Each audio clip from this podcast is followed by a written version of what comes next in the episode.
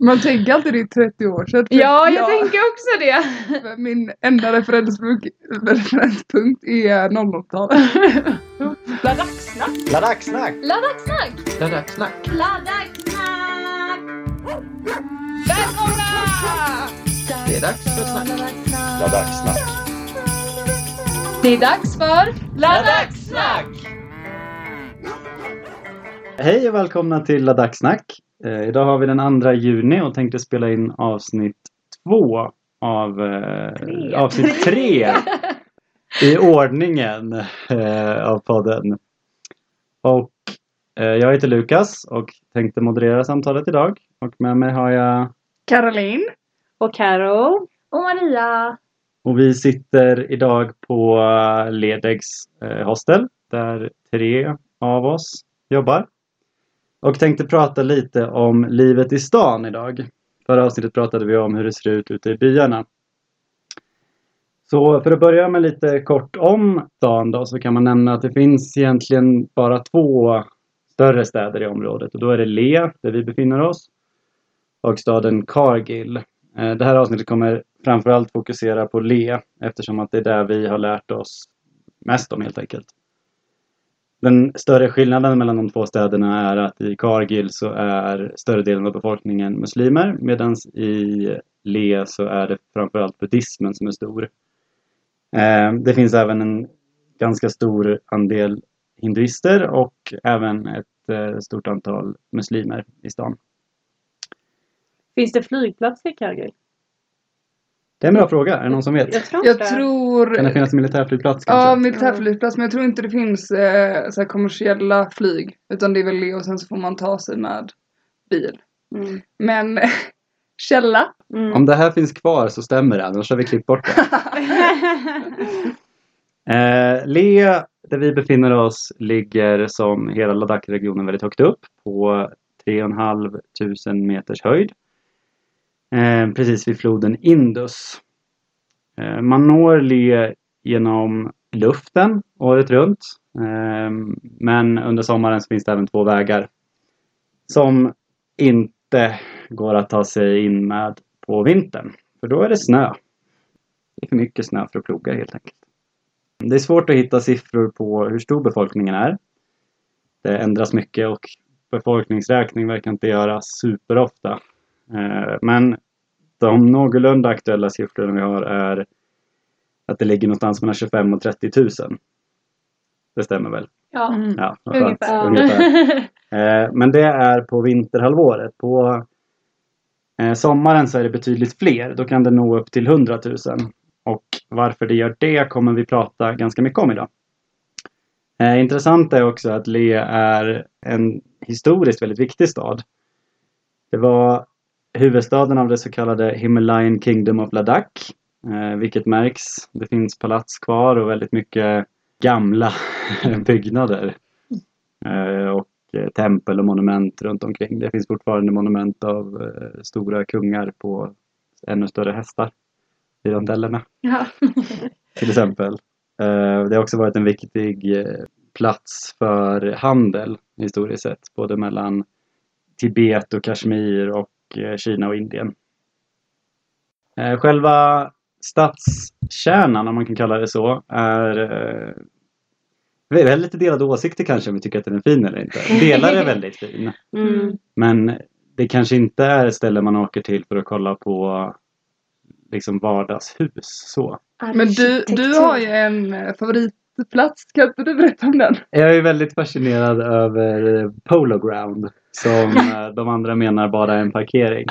Och det är verkligen en grusplan. ja, vad kan den vara? Den är ju stor som bara den. Ja. Men en grusplan med lite eh, trappor typ. Väldigt coolt. Ja. Nej men jag, det är väl just att den är så stor som är fascinerande att man ändå eh, låter den vara kvar och inte bygger på den. Att den ändå, det känns som att den har någon slags historisk eh, eh, historiskt värde. Men eh, det är kanske bara jag.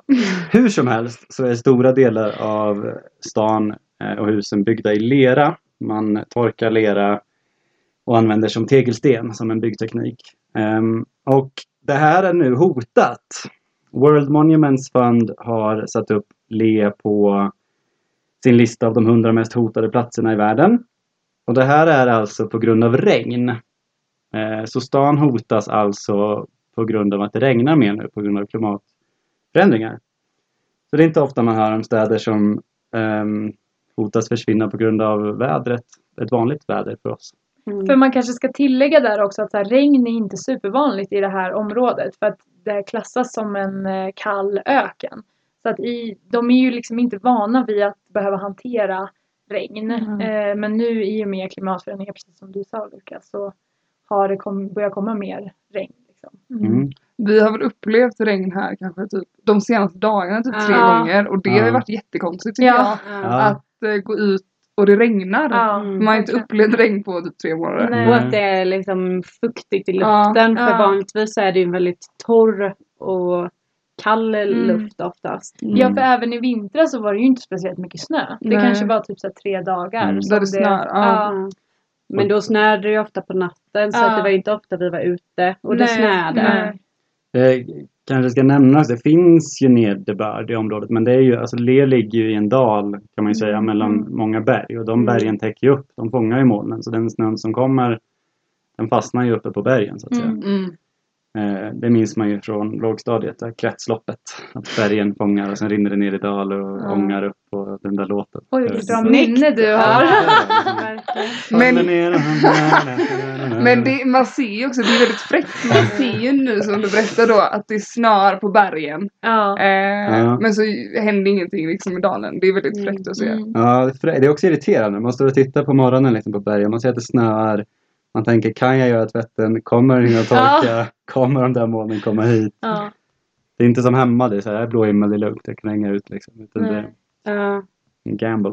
Nej, man är väldigt eh, eller beroende av väder här. Alltså Mm. så här, vi pratade om det igår. Så här, kommer jag kunna duscha idag? Ja, det kom lite sol, då kan jag duscha. Ja. För att man måste ha sol för att vattnet ska bli varmt Mm. i, i solvärmaren. Liksom.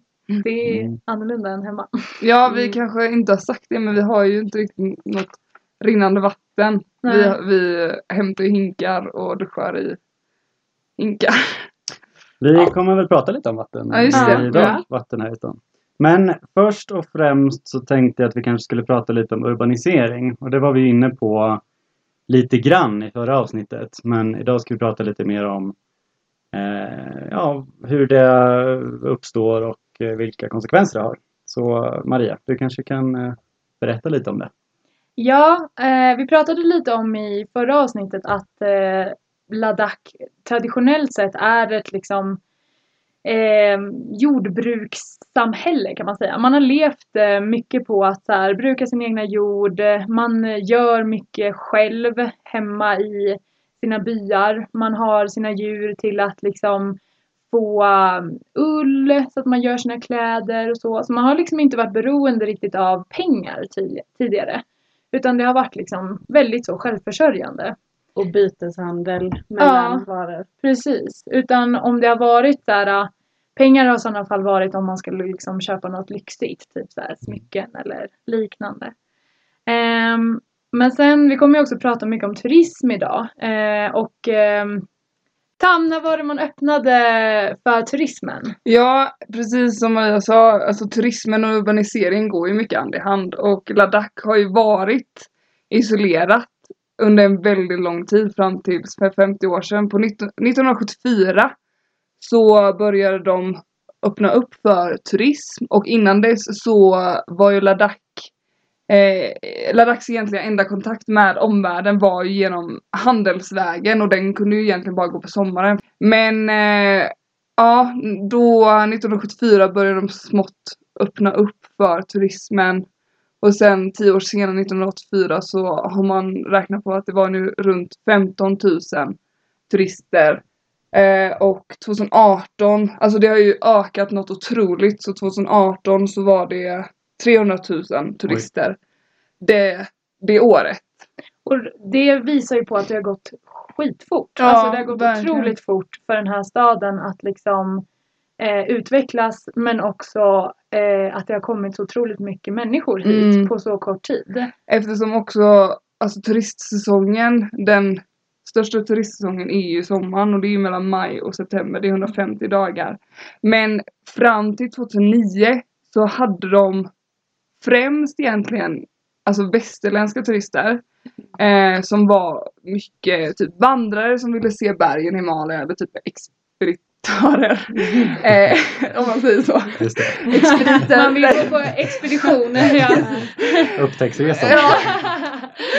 Men, eh, men precis, men 2009 så släpptes en film som heter Three Idiots som blev sjukt populär i både Indien eh, som var typ en av de typ, number one hits i Indien men även i Kina faktiskt. Men det är ju en indisk film. Det är en indisk film, det är en Bollywoodfilm.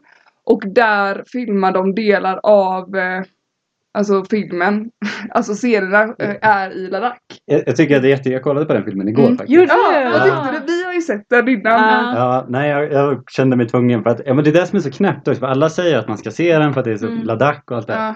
Men det är just de sista fem minuterna. Ja, den här filmen är två och en halv timme Ja, lång. ja, och sen så, så här, men de är ju i, liksom nere i andra delar av Nej Indien. men de är ju typ i Delhi först. Men det är typ det är två, tre scener från ja, i Ladakh. Pangong Lake. Ja. Men så efter 2009, alltså för tio år sedan så ehm, Alltså vad säger man, alltså det ökade något otroligt med indiska turister. Mm. Och när vi har pratat med människor som vi känner här Mm. så har, säger de att under de här tio åren så har liksom, in, alltså Ladakh har inte förfallit men de indiska turisterna är inte jättebra på att hålla efter sig och de Mm. kräver mer än eh, den typiska turisten innan vad den behövde eftersom det var mer vandrare och kanske då ville vara lite mer värnad om naturen.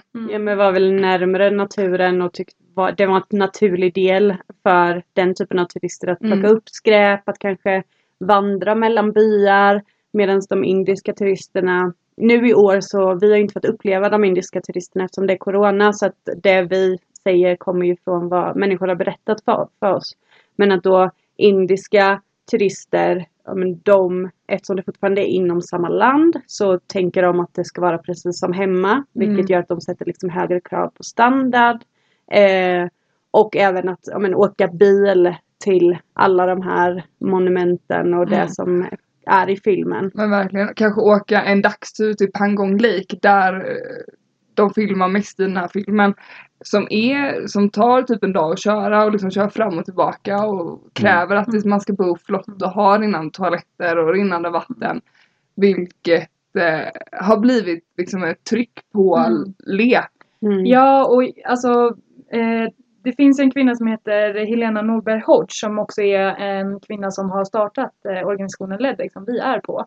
Hon har även skrivit en bok som heter Ancient Future. Ehm, där hon eh, tycker att det finns mycket att lära från Ladakh. Och hon skriver bland annat att så här, på 70-talet när hon kom till Ladakh så var Le liksom en, en stad med två gator. Eh, det var typ inga bilar i staden. Det var liksom kossor som sprang runt överallt. Eh, och fem minuter från liksom själva de här eh, main street så var det liksom fält av eh, eh, korn, barley. Och det här är ju liksom 50 år sedan. Och eh, det visar ju också på att även då i Le så var det ju liksom ett jordbrukssamhälle. Det var det man Mm. levde på. Det var som en by liksom.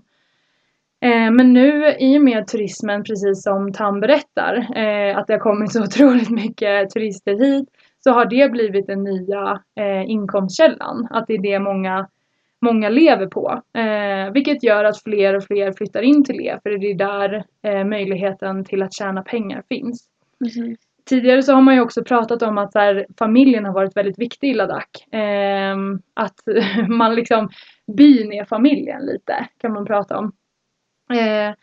Och i och med den här urbaniseringen då, eller liksom att utvecklingen går så snabbt, så ser man också att det, det försvinner lite. För det kan också vara så att, ja men till exempel mannen flyttar in i staden eh, för att tjäna pengar medan Mm. kvinnan och eh, barnen kanske lever kvar i, eh, i byn. Eh, eller så flyttar man hela familjer in till staden men då kanske frun blir mest sittande hemma. Eh, inte har så mycket att göra. Eh, men det har också kommit ett helt nytt krav på eller krav, men det här syn på utbildning. Vad är utbildning liksom? Och Mm.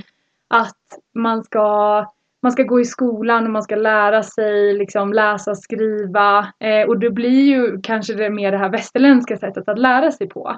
Vilket är ganska långt ifrån kulturen och miljön här i Ladakh.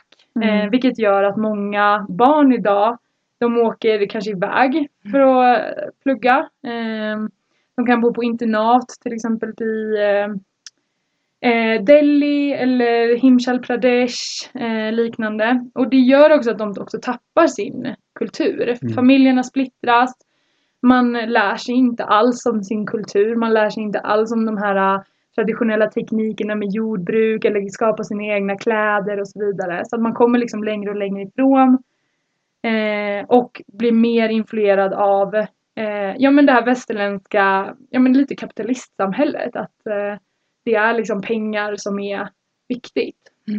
Men precis och eh, som du sa är ju det är ju ett gammalt jordbrukssamhälle och alla de här alltså, fälten som var här runt omkring. Vi, Ledeg Hostel, i, bor ju vi är lite mer norr om stan. Det tar 20 Mm. minuter för oss att gå. Och här på de här gravfälten så ser man ju att det är stora hotellkomplex som byggs nu. Eh, och det är väl lite därför unga från, unga liksom från byarna kommer in till stan för att hjälpa till att bygga och arbeta på de här komplex, eh, hotellkomplexen.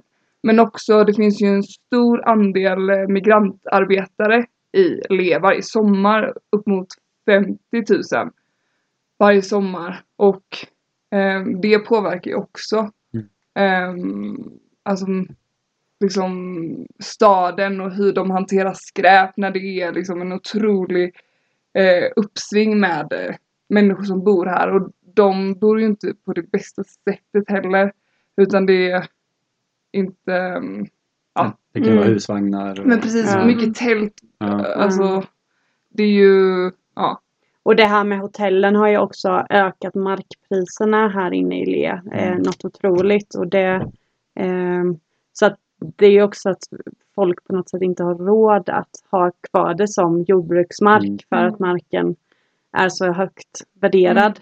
mm. Men det har ju också, vi ska försöka undvika att inte prata så mycket om Corona, men nu under Corona så upplever vi att eh, många har liksom sagt det att ja men det kanske inte var så smart att göra hotell av all Nej. mark. Det, är ju, man, det finns ju fortfarande en del mark som man skulle kunna kalla jordbruksmark. Mm. Även liksom i stan. Vi på Leo som bor Ja, var bor vi? Sydväst om stan. Ja, det blir det väl. Ehm, när vi går in till stan tar väl en 40-45 minuter. Då går man ju förbi liksom stora hotellområden och sen Mm. liksom rätt vad det är kan man titta över muren så är det liksom ett fält Mm. Där någon går och plöjer eller där det Mm. liksom står en ko eh, mitt bland hotellen. Mm. Så det är väl en tidsfråga innan de här försvinner då, Mm. tyvärr. I och med Mm. att det gör det hela lite besvärligt när Mm. hotellen inte är eh, besökta och kanske skulle haft lite jordbruksmark. Mm. ja. Ja, och det, det är väldigt tråkigt för man ser ju att det här påverkar liksom hela Ladakh egentligen. För vi, när var det fredags, eh, för några dagar sedan, så fick vi möjligheten att åka till en by som heter Tar. Eh, man åker mot eh, Kargil-hållet liksom. Nu sa jag Kargil, Kargil. Men och då när man kommer till, man följer liksom Indusfloden och sen så möts Indusfloden, Danskarfloden och så följer man den. Och sen så kommer man till en bro. Där parkerar vi bilarna och sen så var vi tvungna att vandra ungefär en och en halv timme ungefär. Mm. Mm. Där vi kommer till alltså den Den finaste lilla byn jag Ja varit men i. alltså Mm. det var så vackert. Mm. Det Mm. var 13 hushåll med så traditionella hus. Alltså det var fält i olika nivåer som var helt gröna och sen så är de bara helt omringade av eh, bergen. Alltså det Det var... var ju så här aprikosträd och Mm. valnötsträd. Eh, kvinnan vi besökte hade ett kök som var 500 Ja. år gammalt med liksom, Ja, var liksom inkarvat i grottan Ja. var liksom hennes kylskåp. Och det värsta var ju att hon skämdes över det här. För att, hon, för att det Mm. inte var modernt Nej. nog. Medan vi var helt förundrade Ja. över Mm. hur häftigt det var. En fun fact bara innan vi hoppar vidare. Eh, det är faktiskt så att en sjättedel av all- alla byar i Ladakh går bara att ta sig via fot. Ja. Det finns ingen bilväg. en sjättedel. Mm. Ja. Men det som var lite hjärtskärande ändå när man var i den här byn, det var att man fick höra att det fanns liksom inga barn och unga kvar i den här byn. Ja. För att alla har blivit liksom ivägskickade till skolor. eh, Privatskolor. privatskolor. Mm. För det fanns en skola här men den la man liksom ner för att Mm. eh, man ska skicka iväg till privatskolor. Eh, många av männen åker in eh, och, till städerna för att jobba för att eh, liksom försörja familjen och kunna betala för den här privatskolan. Så kvar är de här ah, kvinnorna som är, ja men de är ju runt liksom så här, ja men 70 kanske. Men det är Eh, såhär krutkärringar. Ja. Men alltså helt sinnessjukt. Hon har tre kossor och Ja. typ några fält som hon eh, fixar liksom. Ja, och Mm. nu ska de så här flytta den här byn för att den ska bli mer lättillgänglig för att man ska ha tillgång Mhm. till så här, ja men eh, vägar och kunna ta sig och så här. Men det vill inte de här kvinnorna för att det här är ju deras hem. Det här är ju Mm. liksom Ja, är en klart. oas. Eh, och det visar ju på att så här, vad är det som är viktigt liksom? Jo men det är viktigt att kunna ta sig till staden. Det är viktigt att kunna ha tillgång liksom. Att det här Mm. bevara det lilla samhället och självförsörjandet. Den tanken liksom Mm. lever inte riktigt kvar. Och det var ju också tydligt liksom vad den här förlusten av, för männen då som eh, åker in till stan och arbetar förlorar ju också sin kultur i att liksom deras värde mäts bara i hur mycket pengar de kan tjäna. All den här kunskapen som de har haft i byn är ju plötsligt ingenting värd. Och det skapar ju en väldigt eh, väl- Ohälsa. Ja, men en psykisk ohälsa. Så att de berättade ju också att det är många männen där som är alkoholiserade. För att de liksom vet inte vilka de själva är och så är de outbildade och, och ja men att bara för att man är outbildad och liksom inte kan tjäna pengar på det man är bra på, vilket i det här fallet är liksom den här fantastiska sättet att bruka jorden och ha den här lada- ladakhiska kulturen, att det plötsligt inte har något värde eh, påverkar människorna här Mm. på ett eh, extremt sätt. Och det är ju egentligen bara en eller två generationer det har liksom hänt. Så det har ju Mm. gått väldigt fort. Mm. Ja. Nej men för deras föräldrar, eftersom liksom 70-talet, detta började ju på 70-talet, alltså när de var små och deras föräldrar så var ju de, det var ju som för deras förfäder. Mm. Det är ju här Så det har det, hänt. det är precis, Ja. det är dessa 50 åren det har ju blivit sån extrem skillnad. Ja. Medan för oss i Sverige så skedde detta liksom på typ 1800-talet. Ja. Mm. Um, vilket är, det är väldigt intressant att se hur det moderna, supermoderna möter det väldigt, för oss gamla liksom. Mm. Och vi, hur klaschen blir där Mm. liksom. Mm. Men jag tror också att det kanske har varit i Sverige för att det har man ju liksom hört, eh, eller jag har hört min farmor liksom berätta om vid andra världskriget och hur det påverkade och att de liksom var tvungna att plocka blåbär för att ha tillräckligt med vitamin under vintern och sådär. Så att det finns ju inte så många generationer bort. Men det har ju fortfarande gått mycket mer långsamt och mycket mer successivt Mm. med liksom utvecklingen och moderniseringen. Här har det hänt så himla snabbt. Och det är inte konstigt att samhället har svårt att hänga med Nej. på det. Nej. För att vi kanske har haft 150-200 år på oss och här har de haft 50 och är Ja, framme vid precis. samma modernisering som Mm. vi har i Sverige Mm. idag. Men också för att Sverige följde ju liksom värld, världen med moderniseringen. Eh, och Ladakh, liksom hela södra Indien var väl, är ju mer modernt än vad Ladakh är. Mm. Mm. Precis. Så då har vi alltså en väldigt snabb urbanisering. Mm. Vi har en väldigt kraftig turism. Vi har migrantarbetare. Eh, sen har vi en fjärde grupp eh, tillfällig befolkning kan man väl säga också. Eh, och det är militären. Det finns en väldigt stark militär närvaro i Le. Ehm, och mer om varför militären är här kommer vi prata om nästa avsnitt. Ehm, men det kan vara lite intressant att nämna eh, att det rör sig mycket på den fronten nu i dagarna också. Eh, Ladakh gränsar ju till Kina i öst eh, och där är det nu lite, ja, det rör sig lite trupper och det är väldigt mycket nyheterna om att det är upptrappning i den konflikten. Så att det finns väldigt mycket fler, väldigt många fler kanske man säger på svenska. Väldigt många fler eh, militära rörelser så det är mycket lastbil på vägen hit och tar en halvtimme. såg jag kanske 30-40 lastbilar och stridsplan i luften och Mm. helikopter. Det låter väldigt dramatiskt men det är väldigt mycket eh, militär. Mm. Ehm, och en siffra vi hittat är att det är runt 25-30 eh, tusen på Alltså som en militär som befinner sig i en vanlig dag. liksom. Le en Ja. vanlig dag. Så då är det några tusen fler skulle jag tippa på nu Mm. medan det här är pågående. Då. Och det är ju vid Pangong Lake, den här sjön då som är med i en kort filmsekvens i. Three Idiots. Det är en sjö ställer till det väldigt mycket. Den är alltså, kan vi nämna, den är ungefär 10 mil eh, bort från oss då. Så Mm. allt det här händer väldigt nära. Mm. Men nog om eh, militären för det här avsnittet. Ehm, vi har alltså fyra grupper som tillsammans gör att det blir en folkökning på Tredubbla den Ja. lokala befolkningen. Precis, det är väldigt mycket Mm. folk. Och det här eh, påverkar ju stan väldigt mycket. Eh, men finns det en infrastruktur som klarar av att ta emot så mycket folk? Eh, både ja och nej. Eh, I och med att det har gått så himla fort i Le också så en av mina eh, det jag blev mest påverkad av när, jag, när vi kom hit i början på februari det var ju att Le var som en spökstad under vintern.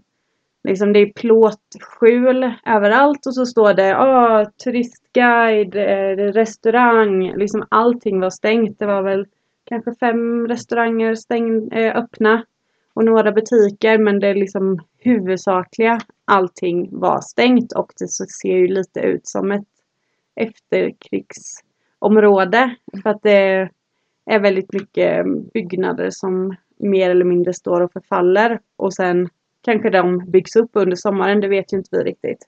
Men eh, infrastrukturen är ett ganska stort problem här i Le skulle jag vilja säga. Eh, elektricitet finns ju men den är ju ganska opålitlig. Vi, vi har haft strömavbrott, eller i mitt rum i alla fall, så det var ett strömavbrott nu i en vecka. Jaha. Ja, du har ingen el alls? Nej, det finns på kontoret så vi får liksom Mm. ladda. Och så. Ja, men Man typ hoppas som- att batteriet ja. räcker till väckarklockan. Typ som igår. Eh, nej men alltså elen var inte här på halva dagen. Mm. Och det är lite frustrerande. Ja. När både telefonen och powerbanken är iladdad. Ja men och det är lite svårt, man får ju inte heller någon riktig förklaring till varför det är så. Nej. Utan det är liksom, ja Mm. nu är elen borta, den kan vara borta i en halvtimme eller ett par tre timmar. Mm. En vecka låter lite extremt. Men det, måste vara, det måste ju vara något fel i typ... Ja, Eh, men vi har kollat liksom proppskåp och allting. Det händer ibland. Och sen så kommer den tillbaka utan att någon gör någonting. Så det är bara att vänta Ja. ut. Men det är lite som våran toalett. Vi har ju typ aldrig ljus på våran toalett. Sen typ en kväll så bara, nu Ja. finns det ljus. det var ju helt Men det är såhär en, en kväll på en månad kanske. Ja. Ja. Ja, om ens. Ja, om ens. Ja. Det är lite annat än hemma där man liksom får meddelande från kommunen att Ja, det är på förlåt. gång. Ja. eh, så det är ju en, en del som gör det lite eh, inte svårare. Vi har det ju väldigt, väldigt bra här där vi bor men det är ju en väldigt stor skillnad från, från Sverige hur man har det. Men en av de största eh, skillnaderna i infrastruktur har ju med vattenfrågan att göra. Och det är ju dels med liksom klimatförändringar och att eh, glaciärerna blir mindre. För att tidigare så kunde man försörja liksom hela sitt eh, vattenbehov här i Lea med hjälp av eh, glaciärvatten. Men eh, det går helt enkelt inte längre. Så att det man gör istället är att eh, man använder sig av grundvatten och liksom gör borrhål eh, och tar upp vatten genom det. Så att eh, alla skulle jag vilja säga, det, så är det väl säkert inte, men de allra, allra, allra flesta har ju ett eget borrhål eh, vid sitt hus. Eh, Men behöver man, för i Sverige är det väl att man behöver typ eh, alltså tillåtelse att borra hål och mm. lite så. Är det samma här? Vet du det? Nej, det är inte samma här. Som du säger i Sverige så kan man inte bara borra hur som helst och ta upp hur mycket vatten som helst utan det finns ju ganska tydliga lagar och regler kring det. Eh, här behöver man inget tillstånd och det finns inget sätt som man mäter hur stor eh, mängd vatten man tar upp. Och här igen så kommer ju det här med hotellen in att de kan ju ha 5, 6, 7 borrhål och så plockar de upp hur mycket vatten som helst. Eh, det här har de försökt att ändra på, att liksom få in att, men, att man ska söka permits och betala för att liksom göra de här borrhålen. Men problematiken ligger också i, för att det reagerade vi på i början, att så här, men det är klart att man måste ha tillstånd, hur håller man annars koll liksom? Men det finns en um, um, department här som heter PHE som är uh, Public Health Engineering. Uh, och det är de som ansvarar för att ge människor här i Le vatten. Men infrastrukturen som transporterar vatten, det vill säga rör och liknande, är inte tillräckligt bra. Vilket innebär att man på vintern stänger av hela vattensystemet.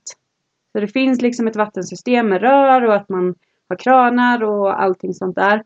Men det fryser på vintern så att då stänger man av det. Eh, och eh, då har man istället stora tankbilar så att man har stora tankar som, man, som bilarna kommer ut och fyller på under vintern.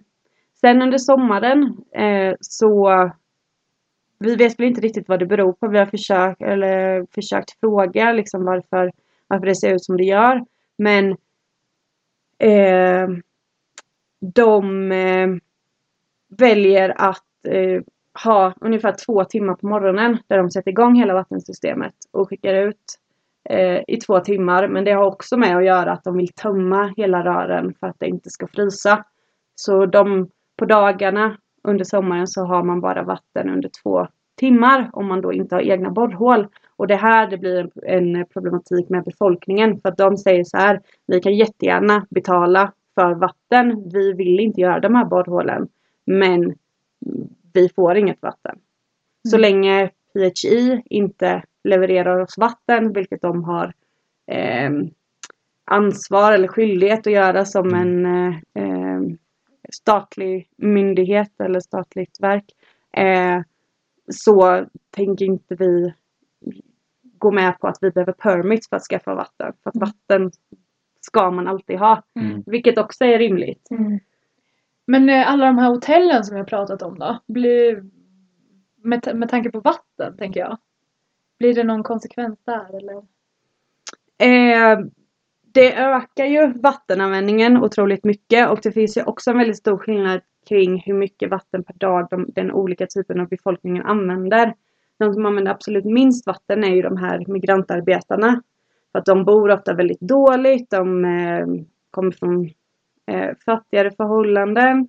Eh, de som använder mest med vatten är eh, lokalbefolkningen. Men de som använder absolut mest vatten är ju turisterna. Så att det är ju turisterna som eh, har den allra största påverkan och så är det liksom på hotell eh, och som vi sa lite indiska turister som kommer hit och vill ha det lite lyxigt. Eh, kräver vattentoaletter, eh, mycket dusch. Eh, så att dels så ökar det trycket på grundvattnet och grundvattnet vill man ju inte ta upp alldeles för mycket av för att det är ju en typ av eh, fossil vattenkälla. Eh, Sen finns det också ett problem med det här att man har börjat ta in eh, toaletter, eh, vattentoaletter. Eh, för att det finns heller inget riktigt ordentligt eh, avloppssystem här. Så att det allra vanligaste är att man har eh, soak pit eller septic tank som man då liksom tar in avloppsvattnet i. Den ena är, är att det liksom bara rinner ner och filtreras genom marken och det andra är att det är liksom en tank som har lite behandling och sen eh, kan man tömma den eh, och, och hur den tömningen och vad det är som händer där, det kan jag prata lite mer om sen. Eh, men risken då när man har en soakpit och avloppsvattnet går ner genom marken, då kan det ju eh, förorena grundvattnet. Mm. För att det finns inte heller några regulationer om hur man mm. Eller det finns regulationer hur man ska bygga dem men det finns ingen som kontrollerar det. Mm. Så det är ju en väldigt stor risk som de ser här också att eh, grundvattnet kommer att förorenas. Men eh, rinnande toaletter och sånt, hur länge har det funnits här? Vet du det? Eller är det typ i samband med eh, turismen nu på senare dagar?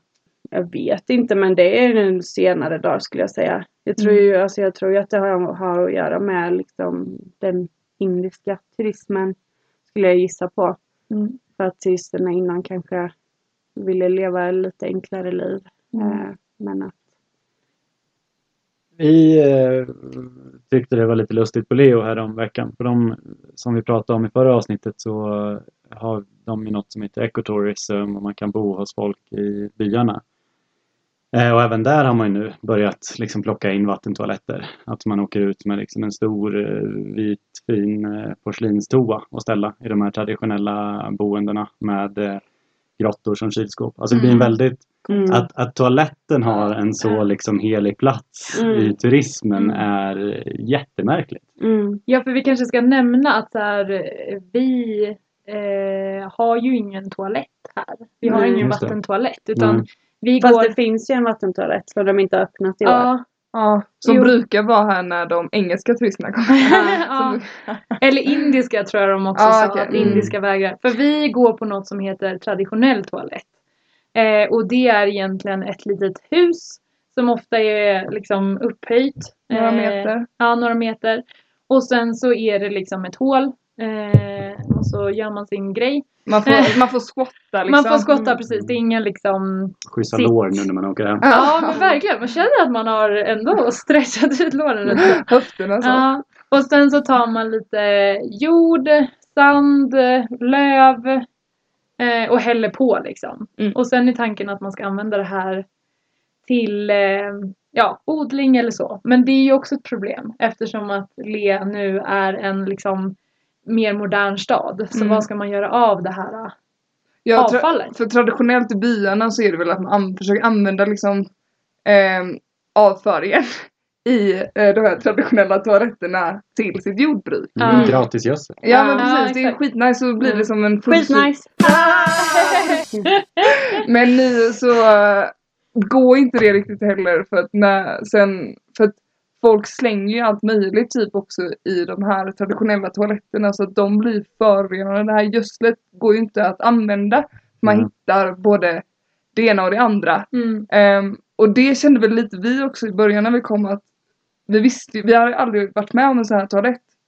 Så vi bara, hur ska vi på bästa sätt, på bästa sätt använda den här? Eh, så det vi önskade var lite mer typ en ut, utförlig förklaring. Manual. Mm. Ja men Mm. faktiskt. Ja. Ja men och eh, som, som tjej kan jag också känna att här, de här toaletterna kanske inte är de mest eh, hygieniska. Att Nej. så här, eh, jag tänker också typ att eh, något vi kommer också prata om är mycket med det här med skräp och avfall. Och eh, det är ju också ett stort problem här. Eh, och man vill ju inte man vill ju minska skräpet så mycket som möjligt. Eh, och hemma i Sverige så har ju liksom eh, menskopp kommit att bli väldigt populärt liksom. Mm. Och det är ju också väldigt bra för det är bra för kroppen men också för miljön för att det Mm. blir mindre skräp. Ehm, men här så blir det också väldigt svårt för att det i de här toaletterna det är mycket damm, det är Mm. mycket liksom så här, Mm. Det finns ingenstans att liksom Tvätta händerna. Nej men att lägga saker, Nej. det är liksom, det är bara ett kallt rum liksom. Utomhus, Eh, ja. ja, och på vintern så fanns ju absolut inga möjligheter till att tvätta händerna någonstans. Nu har vi ändå lite lättare för att det, vi har en kran på gården så att som det ändå kommer vatten. Ehm, Så- men det, ja. ja. så att det här med hygien och renlighet och eh, kvinnors eh, hygien Ja, är ju liksom. det är lite klurigt. Så att det blir ju lätt att man får använda liksom bindetamponger som också då Mm. eh, bidrar till eh, mycket avfall. Liksom. När vi är inne på avfall. Eh, vill du förklara lite hur det här systemet funkar? Hur man hanterar den liksom, Ja. massiva avfallsproduktionen som Precis. Eh, vi fick ju vara med om en eh, lite chockerande upplevelse här för någon vecka sedan. Eh, då vi var på besök på något som heter Bomgard. Och det är alltså eh, Le stads eh, soptipp. Eh, och det var en av de sjukaste upplevelserna. Mm. Eh, det var så otroligt mycket skräp. Alltså jag vet inte hur i distansmässigt kan det ha varit liksom i fotbollsplaner. Ja, fotbollsplanen. Men alltså det var ju kilometer liksom. Mm. Vi pratar och sen också i bredd liksom ja, hur mycket skräp som helst. Eh, och här så bor det även jättemycket djur. Det bor hundar eh, som lever på det här skräpet. Det bor Och kossor. dör på skräpet. Mm. Dör. ehm, Jag bor kossor där. Eh, det fanns även personer som bodde där. Eh, Som rensar. ja, jag tror att de går och sorterar. Ja. Eh, och det är även en... Eh, eh, det finns människor som livnär sig på det också. Att här, gå och plocka skräp för att också sälja till exempel metaller Mm. eh, och så vidare. Det. Det finns en jättebra podd, eh, P3 Dystopia, som handlar om skräp. Och där säger de också att de här informal workers, alltså de som arbetar på soptippar och liksom sorterar skräp, är en av de viktigaste faktorerna i eh, att eh, saker och ting blir eh, recycled. Återvunnet. Mm. Mm. Så att skulle man liksom reglera det här också så skulle det också ha en väldigt stor negativ påverkan på hur, hur ännu mycket mindre vi faktiskt ehm, återvinner. Ja. Mm. Nej men och eh, man pratar ju mycket om att så här, ah, varför det har blivit så här är ju för att det har gått så fort med utveckling och också att det kom så mycket turister eh, så snabbt under så kort tid liksom. Att man har inte hunnit med eh, att hantera det här nya. ehm, Typ importen och det också. Nej precis, för att man börjar ju, i och med att det kommer mycket turism så kommer det också en större efterfrågan. Att så här, man vill ha sina cola och chips och kakor och allt vad det nu är. Liksom. Och som turist när man kommer hit så köper man ofta eller får eh, från hotellen flaskvatten. Eh, så att det blir ju enorma mängder med flask, eh, flaskor, petflaskor. Vi dricker ju till exempel vattnet från, Kranen. från kranen Mm. och vi har typ varit fine. Det, det har nog inte varit vattnet i alla Nej, fall. det har inte varit vattnet. Jag är Eh. väl den som blivit mest drabbad med så kallad kaosmage. ja. Men just Eh. plastflaskor är ju något som man ser eh, väldigt mycket längs vägarna. Ja. Tänker jag. Och det är väl just för att folk är ute och går och dricker vatten. Ja. Det finns ju inga soptunnor på det Nej. sättet heller. Jag vet inte, i stan finns det ens där? Ja, det det, det. finns Ja. rätt mycket. Mm. Mm. Men ute liksom på eh, vägarna i anslutning till stan, där finns det ingenting. Nej. Alltså det är ju, vet sist jag var i stan, köpte en kaffe, fick en Mm. mugg, fick bära med mig den hela vägen hem. Ja. Liksom på den nästan timma långa sträckan Ja. så gick det inte att kasta den någonstans. Nej, så det är precis. också liksom Mm. upp till hushållen. Och har man då hotell och folk som inte har, då blir det ju lätt att folk slänger i, i bäcken eller Ja. i eh, liksom vid muren eller vad som Mm. helst. Mm. ja men verkligen. Och det är ju ganska skräpigt i omgivningarna. Ja, gud ja. Här. Man ser ju det Ja. över överallt. Ja, och som det är idag så finns det ju ingen ordentlig liksom waste management. Vad säger man på svenska? Avfallshantering. Avfallshantering. Eh, och vi kommer ju komma in på det mer men, men Ledeg har då ett projekt som heter Livable Le och under det så, så jobbar man också det här med avfall. Eh, det finns ett projekt under eh, deras Water and Sanitation Team eh, som börjar titta lite på det här. Hur ska man liksom hantera den här kopiösa mängden av skräp. Eh, men det de i alla fall tänker att de ska börja med det är att de ehm, har påbörjat ett nytt segregationssystem där man ska försöka separera eh, blött och torrt avfall. Mhm. Eh, för att det ska bli lättare att hantera avfallet. Ehm, och, eh, men också för att det är en bra början för att, att börja liksom kräva att folk ska börja eh, återvinna i alla de här olika stegen när man inte är van vid det blir också en utmaning. Så att man börjar liksom det här med blött och eh, torrt. Och det är ju typ organiskt och icke-organiskt. Ja, precis. Mat versus eh, plast och Mm. sånt. Liksom. Men eh, det har ju också pratats om en eh, vad heter den? Den här Tesla. Det är ju en eh, black hole. Precis. Att den eh, liksom förbränner allting och skapar väldigt lite mängd aska utifrån. Alltså man Mm. förbränner allting på ett väldigt koldioxid, inte fritt absolut inte, men eh, till skillnad från eh, det kräver inte så stora insatser så som förbränningstekniken i Sverige till exempel där vi bränner våra sopor och skapar el och värme.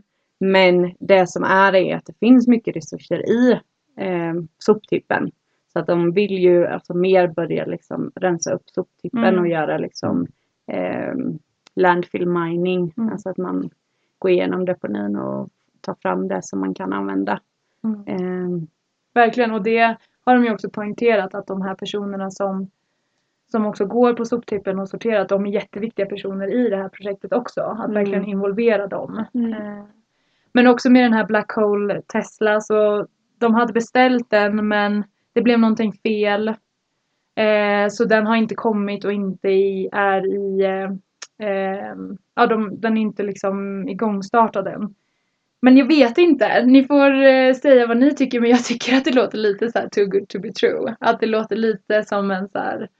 Ja. Men ja, det är svårt att veta. Alltså jag Eh, tror inte det. Jag tror att den kan vara ganska bra men jag tror mer att det är liksom waste of resource. mm, Att det finns mycket resurser i landbygden som man Mm. kan med ganska enkla medel liksom separera och få fram. mm. Eh, Mm.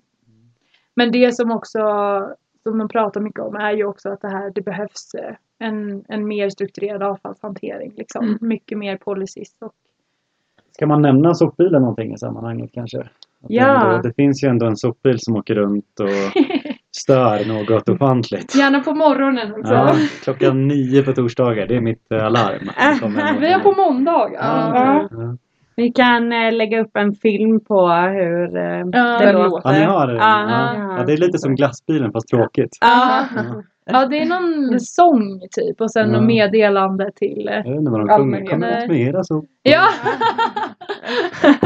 Den, åker i alla fall, den spelar ju alltså musiken för att eh, visa att den kommer och sen så får varje hushåll springa ut med sina sopor till eh, ett gäng som kastar upp dem på flaket helt enkelt. Mm. Sen- Ja, i början så, för vi har ju så här soptunnor här utanför och så står det ju typ så här plast, metall. Så i början så liksom eh, försökte ju vi så separera vårt, vårt skräp liksom. Men sen insåg vi att allt hamnar på samma Mm. sopbil ändå. och allt hamnar på Bombguard. ja, Men vad, varför heter det Bombguard? Vet ni det? ja, varför heter det det? Jo, så här är det. eh, det här området tillhörde ju militären innan och eh, de förvarade ammunition och typ bomber där och därför, jag vet inte om de hade bomber där men eh, det låter lite coolt. Så därför heter det Bombguard. Ja. Det var ju också intressant när vi var där. Eh, för det går ju liksom en väg genom hela soptippen. Och sen högst upp så ligger det ett eh, slakteri. Så jävla konstigt. Ja, så det luktade ju inte... Alltså det är ju en fördel med här att det inte är så stor nederbörd. Det luktade ju inte jättemycket från soptippen. Det är ju, har ju, när jag besökt soptippar i Sverige så har de ju luktat betydligt, betydligt värre. Eh, Det går ju knappt att jämföra. Men här var det ju istället så här en brä, bränd päls, döda djur-lukt från det här Ja. slakteriet. Ja. Så att det var sådär. Ja. Och, så, och att det bara myllrar av hundar. mm. Vi kommer ju snacka om hundar i ett senare avsnitt men eh, hund, nej det, var, det är Mm. inte nice. Och så tycker man synd om alla de här små valparna som springer Mm. runt i det här. Ja, verkligen. Ja, vi har ju pratat mycket om eh, problem i det här avsnittet. Eh, och lite var de problemen kommer ifrån. Men det finns ju lite projekt, eller det finns väl en hel del projekt ska jag väl säga, som jobbar med att motverka de här problemen. Eh, på Leho så har vi inte jättemycket projekt riktade till stadsliv på det sättet. Utan det jobbet som görs, som man kan säga eh, hjälper eller underlättar situationen. Det är att man försöker stärka eh, hushåll och samhällen ute i byarna så att de har liksom eh, anledning att och, och bedriva det traditionella jordbruket eller att, att använda turism på ett hållbart sätt. Mm. Ehm, Men eh, vi har ju pratat lite om det Ledeg gör via Liverpool men ni kanske kan ge några fler exempel på, på jobb därifrån? Mm. Och det är lite som Lukas säger att våra organisationer jobbar ju framförallt med landsbygden och att stärka landsbygden. Men Ledeg har ett eh, projekt som kallas för Liverpool eh, och det är faktiskt ett EU-finansierat projekt, eh, treårigt projekt som eh, är för eh, en eh, livable, vad säger man? Livs... Eh, Beboelig. Ja, beboelig och resilient stad. Att man ska försöka stärka kapaciteten hos eh, den lokala myndigheten eller de lokala myndigheterna. För att det hänger ju jag tror ju heller inte att det finns liksom någon motsättning i det här stärka landsbygden och stärka LE för att de på ett eller annat sätt. Det är inte riktigt som så här storstad versus landsbygd typ i Sverige. Det känns ju som att det, de ligger ganska mer eller närmre ihop Mm. eh, eftersom det ändå har gått så fort och man ser fortfarande det här traditionella. Eh, men de arbetar alltså med urban issues och det är eh, på flera olika sätt. Vi har ett vatten och sanitetsgrupp eller en del i det här projektet och där går även då eh, avfallshantering med. Sen arbetar de även med trafik och luftföroreningar. De arbetar med eh, gröna public spaces. Eh, Offentliga miljöer. Ja, offentliga miljöer, tack. Det var inte så lätt att översätta här idag. Så att de arbetar väldigt brett men på något sätt så visar det ändå på hur man strävar mot en hållbar stad och hur liksom man ska få alla de här delarna att hänga med. Eh, och sen då framförallt att också så här, stärka kapacitet hos lokala myndigheter. Så att vi var till exempel med på en workshop eh, som handlade om eh, vattenfrågan då i LE tillsammans med ja, men allt ifrån det här PHI eh, som ska eh, ge vatten till eh, befolkningen till mindre eh, NGOs och sådär. Så det var ju superintressant. Eh, det de arbetar med inom vatten, de har gjort en rapport eh, som då handlar om vattenfrågan eftersom det är en väldigt central fråga här eftersom det är en kall öken och glaciärerna smälter och det finns inte tillräckligt med vatten men deras, det de har kommit fram till är att det finns tillräckligt med vatten. Det som inte finns är eh, hur man hanterar det, att det Mm. inte finns tillräckligt bra med system. De säger It's not a water crisis, it's- it's a water management crisis. Och att då de också är väldigt beroende av grundvatten. Det känns ju ändå lite hoppfullt. Det Mm. känns ju som att många ställen, som i Sverige till exempel, så Mm. känns det som att vattenbrist är problemet. Mm. Så det känns ju ändå som att man har en möjlighet att lösa systemet. Exakt, och det tycker jag är ganska fascinerande med liksom Leo Ladakh att till skillnad från Sverige så har ju inte de byggt in sig i systemen. Utan det är typ nu de ska börja bygga upp systemen. Så det är klart att det finns massa förutsättningar och man kan inte göra på vilket, vilket sätt som helst såklart. Men det är ju inget liksom satt system utan det finns ju väldigt stora möjligheter att göra rätt från början. Just det. Mm. Eh, och det tycker jag är ganska häftigt. Eh, men det är också väldigt stor skillnad, liksom just det här med vatten. att Jag kan ju känna lite så här frustration att okej, de har så dåliga rör så att vattnet fryser på vintern så då stänger de av vattnet på vintern. Men skaffa bättre rör. ja, men så här, så, det, är ju, det är ju inte liksom så svårt att kanske lösa problem eh, som har med, med sådana grejer att göra. Eh, Själva liksom rörhantering tycker jag är lite spännande överlag. Ja. Det känns som att väldigt mycket ansvar hamnar liksom på hushållet eller vad man säger. Jag vet vi hade en vattenläcka precis när jag kom. Då var det fortfarande rätt kallt. Mm. Då fick ju liksom vi, det var inget snack om att ringa några rörmokare utan vi fick ju gå ut med en sån här, vad heter det, yxa. Var det det ni gjorde? Ja, vi grävde en grop för att komma. Då fick man liksom leta efter det här röret. Fick man gräva i den här sanden man hittade röret. Hittade röret, hittade läckan. Tejpade läckan. Nej. Grävde igen. Gud, Men gud vad sjukt. Så det är liksom, jag vet inte. Jag antar att det är eh, liksom någon myndighet som äger rören. Ja. Men underhållet verkar ju ske eh, ute Mm. dit de leder så att säga. Precis. Men det är också lite det som är problemet för den här eh, myndigheten då som äger rören, PHI. Eh, eftersom man inte på något sätt mäter hur mycket vatten som befolkningen använder så kan man inte heller ta en liksom, rimlig taxa. Eh, vilket gör att de har liksom underskott så att de har liksom inte tillräckligt med pengar för underhåll och sådär. Eh, och det var ju lite likadant här eh, på hostlet. Vi fick ju, de sa ju att det rinnande vattnet skulle komma eh, någon gång och så kom det men då hade vi liksom bara en kran på gården. För att den här, att göra de här connections in till de kranarna och sånt. Det var en person tvungen att komma och göra. Men den personen kunde inte komma och göra det. Så att, Mm. som du säger, det är ju Mm. stort ansvar på hushållet. Och då kanske det blir de här quick fixes med Mm. lite tejp.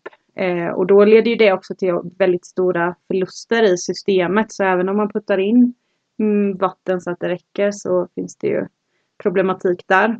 Men precis också, för, som du sa innan, att det är två timmar på morgonen vi har vatten här. Mm. Då är ju Paldan som arbetar på gården, han fyller upp alla våra vattentankar Mm. eh, under de två timmarna på morgonen så att vi ska kunna ha vatten under hela dagen. Så då, där får man ju gå och hämta liksom om man då vill tvätta ansiktet eller gå och duscha eller gå och vattna växthuset liksom. Mm. Och det är ju inte ens, vissa dagar kommer det inte ens vatten och vissa dagar är det typ en halvtimme. Så det är Mm. också väldigt sådär ostabilt liksom. Ja, inte alls pålitligt. Nej.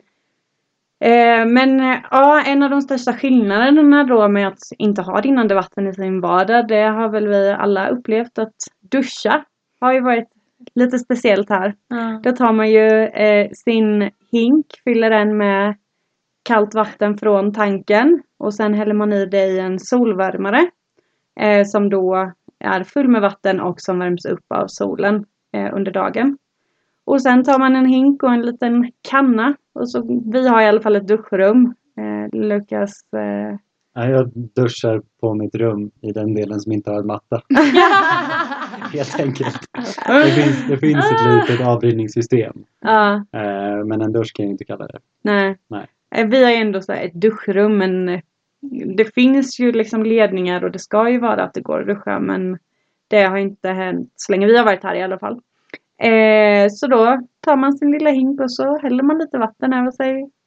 Det går ganska bra ska man Ja. säga. Det går inte åt. Vad går det åt? Åtta liter? Ja, eh, Kanske. ja, en hink. Vad är Ja. en hink typ? Jag tror den Ja, jag brukar, den har markerat. Jag brukar Ah, okej. sikta på åtta. Det brukar räcka ja. gott. Ja. Men eh, duschar ni lika ofta som ni gör i Sverige? Varje dag. Oh no, no, Nej, no. Jag tror att det inte ens är en luktmikrofon.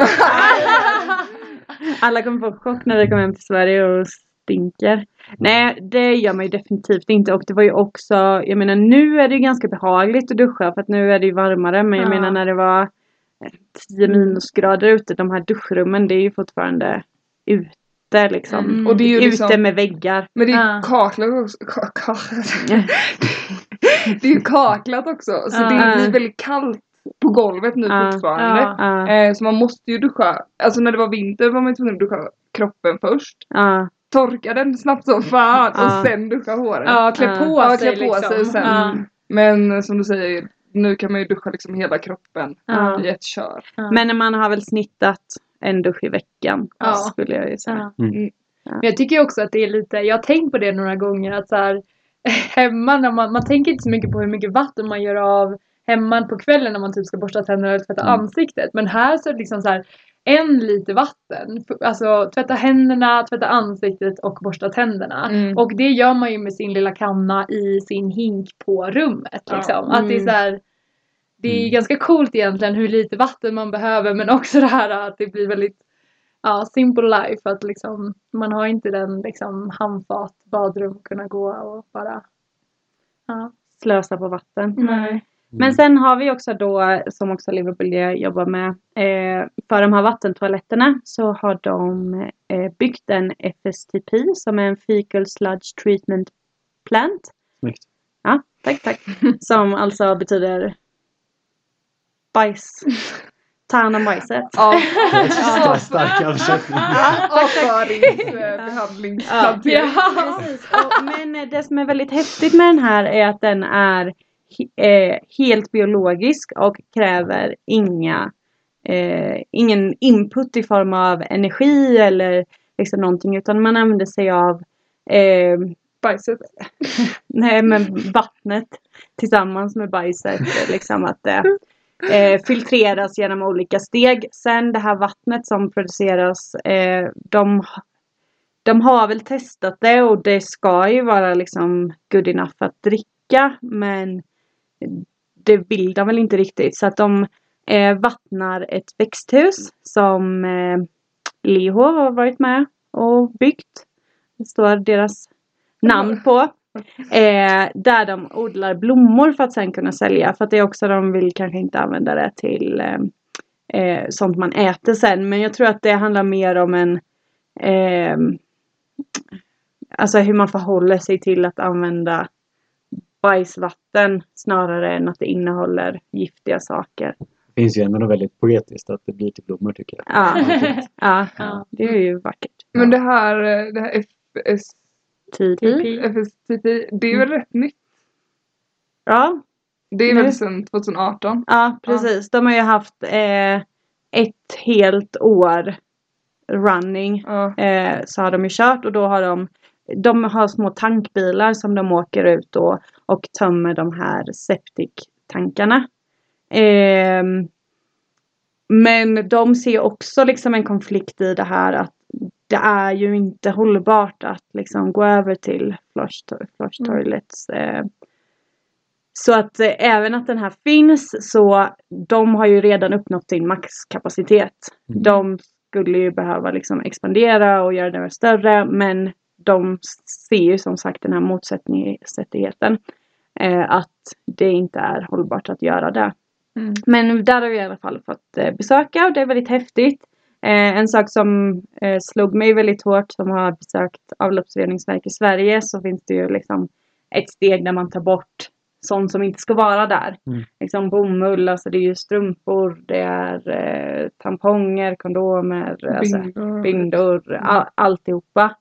Eh, och det är ett ganska eh, stort problem i Sverige, verkligen, att saker som inte ska vara i toaletten hamnar där. Här eh, var det liksom en liten, liten eh, öppning på kanske så här en halv meter gånger 30 centimeter Mm. där det liksom filtrerades igenom och sen gick de och liksom plockade upp det med händerna. För att det var liksom så lite. Mm. Eh, och det var ju fascinerande. Mm. Men där kan man ju också tänka att med liksom en ökad typ av västerländskhet, eh, västerländsk eh, nonchalalitet kring Mm. hur man använder toaletter och missbrukar vatten så kan ju den här komma att öka också. Mm. Men eh, tänkte också på det du sa att, så här, um, att de inte tycker att det är hållbart med den här FSTPn och även när vi var där så sa ju Detchen då som visar runt oss att så här, hon vill ju gärna se cirkeln i sluten liksom och därför så vill de ju satsa på traditionella toaletter och det som är roligt nu är ju att de håller på och utvärderar eller utvärderar, men eh, de håller på att se över de traditionella toaletterna och vill ju ta in så här inputs från eh, lokalbefolkning eh, på vad man tycker. Eh, hur vill man att de här lokala toaletterna ska vara?